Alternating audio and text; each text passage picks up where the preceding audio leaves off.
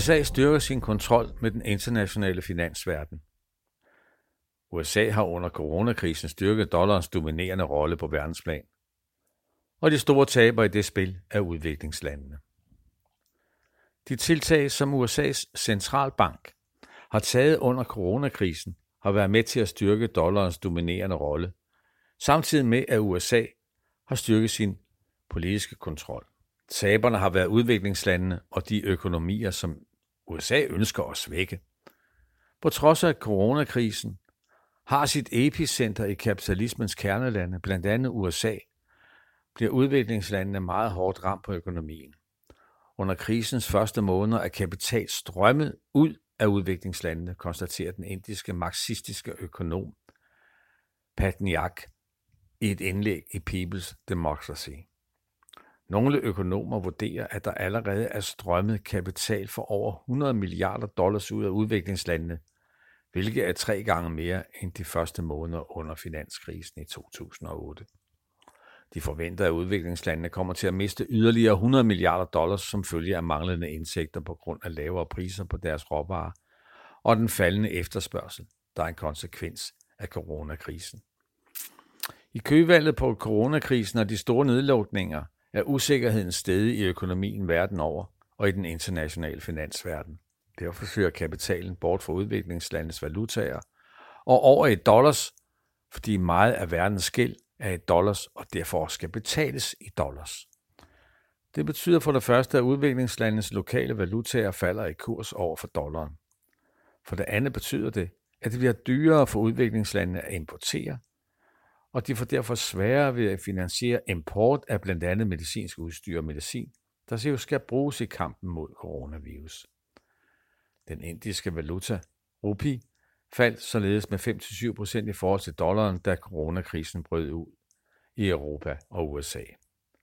To af forfatterne til den internationale valutafonds rapport fra april om den finansielle stabilitet konkluderer i en blog, at den store trafik af kapital bort fra udviklingslandene førte til, at der faktisk har været en delvis mangel på dollars på de internationale finansmarkeder i starten af coronakrisen.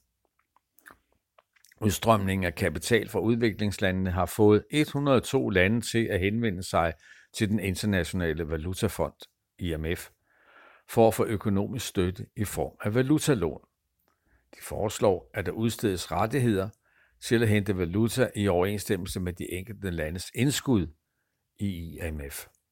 Ifølge Patniak er USA, der er stor vægt i IMF, gået imod, at der bliver givet en ukritisk støtte til alle lande, selvom den er blevet fordelt efter størrelsen af deres indskud. USA ønsker derimod, at IMF diskriminerer politisk mellem landene, hvorfor Venezuela for eksempel er blevet nægtet lån af IMF. Det er ikke, fordi USA's centralbank holder igen på at låne penge ud for at dække behovet for dollars. Tværtimod har den amerikanske centralbank stillet ubegrænsede mængder af dollars til rådighed for en gruppe dominerende valutaer via centralbankerne, hvor USA kan kontrollere, hvem der deltager i ordningen. I midten af marts indgik den amerikanske centralbank aftaler om ubegrænsede såkaldte swap-aftaler med fem andre centralbanker i verdens kernelande. Kanada, Storbritannien, EU, Schweiz og Japan. En ubegrænset swap-aftale mellem den amerikanske centralbank og for eksempel den kanadiske centralbank betyder, at den kanadiske centralbank har ubegrænset adgang til at bytte kanadiske dollars til US dollars ud fra den øjeblikkelige kurs. De skal dog afregnes igen på et senere tidspunkt med en aftalt rente. De seks landes valutaer, der er med i ordningen, dækker i forvejen mere end 95 procent af verdens valutareserver. Det er værd at notere, at Kina ikke er med i aftalen mellem disse kernelande. Og det er jo selvom det er verdens næststørste økonomi, målt ud fra den nationale produktion, BNP. Hovedparten af rådvarer for verdensmarkedet bliver også afregnet i de samme seks valutaer, hvor US-dollaren er den alt dominerende. Det vurderes, at der er cirka to tredjedele af alle valutareserver i verden i dag er i US dollars. Indgåelsen af sådanne swap-aftaler, eller swap-aftaler med de dominerende valutaer på verdensmarkedet er med til at styrke deres dominans over for andre valutaer.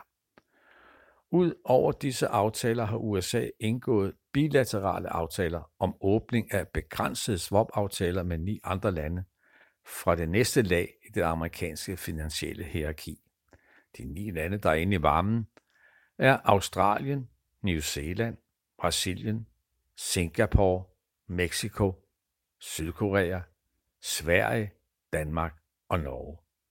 De største af disse lande har ret til at trække 60 milliarder dollars hver i en periode op på 6 måneder, mens New Zealand, Danmark og Norge hver kan trække 30 milliarder dollars, hvilket svarer til ca. 200 milliarder danske kroner. Patniak konstaterer på baggrund af denne udvikling, at der er en grundlæggende skævvridning af verdensøkonomien ud fra magten i den finansielle verden. Efter hans vurdering viser det, hvor risikabelt det er for udviklingslandene at åbne sig for globale finansielle strømme. Nathan Tankus er forskningsdirektør i det progressive amerikanske netværk Modern Money Network. Han beskriver i en kommentar i det marxistiske medie Monthly Review betydningen af swap-aftalerne. Han pointerer, at nøglen til at forstå det spørgsmål går via en erkendelse af, at ud fra et økonomisk synsvinkel er kapitalstrømmene som følge af handel sekundære, mens kapitalstrømmene som følge af finansielle betalinger er det primære. Kurserne mellem landenes valutaer afspejler ikke primært betalingerne på tværs af grænser, der bliver foretaget for at betale for varer og tjenesteydelser. Hvis du ser på verdensøkonomien fra et handelssynspunkt, ser dollaren ud til at være skrøbelig. De forenede stater har kørt med underskud på de løbende poster, betalingsbalancen, uden udsigt til, at det ændrer sig. Fra et handelscentreret synspunkt tyder det på, at USA står i fare for et pludselig valutakollaps med importeret høj inflation, måske endda hyperinflation, skriver Nathan Tankus. Men i stedet for at se på nettostrømmene, der udgør handelsunderskud og underskud på betalingsbalancens løbende poster, skal vi følge, eller ifølge Nathan Tankus, se på bruttostrømmene af finansielle betalinger. I stedet for at se et betydeligt underskud for USA's vedkommende, vil vi i stedet se en masse internationale forpligtelser i dollars, der er udstedt af regeringer, finansielle institutioner og internationale organisationer. Dette sammenkoblede og sammenfiltrede net af dollargæld betyder, at der er en konstant sult efter at sikre sig dollars for at foretage betalinger hver dag. Det er den ekstraordinære mængde gæld i dollar, der på en gang hæver de forenede staters monetære suverænitet over alle andre og trækker andre landes suverænitet ned. Det er det, der giver USA en valutadominans, konkluderer Nathan Tangus. Han understreger, at den store mængde af udenlandsgæld i den globale økonomi ikke er forenlig med en stabil verdensøkonomi, men ustabilitet på det finansielle marked, hvor mange ikke kan betale deres gæld, ikke er i nogens interesse og slet ikke i USA's, der jo netop lever af, at andre lande er dybt forgældet i deres valuta. Det er derfor USA er travlt med at stille dollar til rådighed for at vise for visse andre landes nationalbanker. Dette system med ubegrænsede swap-aftaler mellem de seks store valutaer blev udviklet tilbage i tiden op til finanskrisen i 2008. De fem andre lande, for at styrke deres valutaers suverænitet, ved at have fri adgang til dollarreserver, mens USA til gengæld får lettere ved at styre det finansielle system, der bygger på dollars. De lande, der er uden direkte adgang til valutaswap, her blandt udviklingslandene, får til gengæld meget lav handlefrihed på valutamarkedet. Men de har stadig et stort behov for at gennemføre investeringer og nationale støtteordninger, som følger af coronakrisen, konstaterer Nathan Tankus.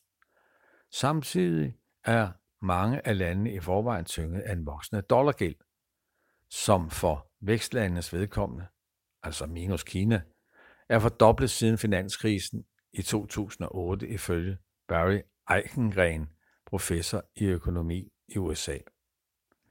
På trods af, at udviklingslandene har fået udsættelse af betalingen på deres gamle gæld, samt fået visse muligheder for at låne dollars, vurderer han, at det ikke hjælper udviklingslandene ud af den gældskrise, de befinder sig i. De nuværende lempelser, hvor nogle kun gælder året ud, virker som om man forventer, at udviklingslandenes gældskrise er midlertidig, forklarer Barry Eichenren i et indlæg, som Berlingske bragte den 16. maj. Han forventer derimod, at følgerne af coronakrisen varer meget lang tid, og ser derfor ingen anden udvej end en egentlig gældssanering. Du har lyttet til en artikel fra Arbejderen. Abonner på vores podcast på iTunes, eller hvor du ellers hører din podcast. Du kan også klikke ind på arbejderen.dk for meget mere journalistisk indhold. Du er også velkommen til at følge Arbejderen på YouTube, Facebook, Instagram eller Twitter, samt tilmelde dig Arbejderens daglige opdatering på Messenger. Vil du i kontakt med redaktionen, kan det ske ved at sende en mail til redaktion Tak fordi du lyttede med.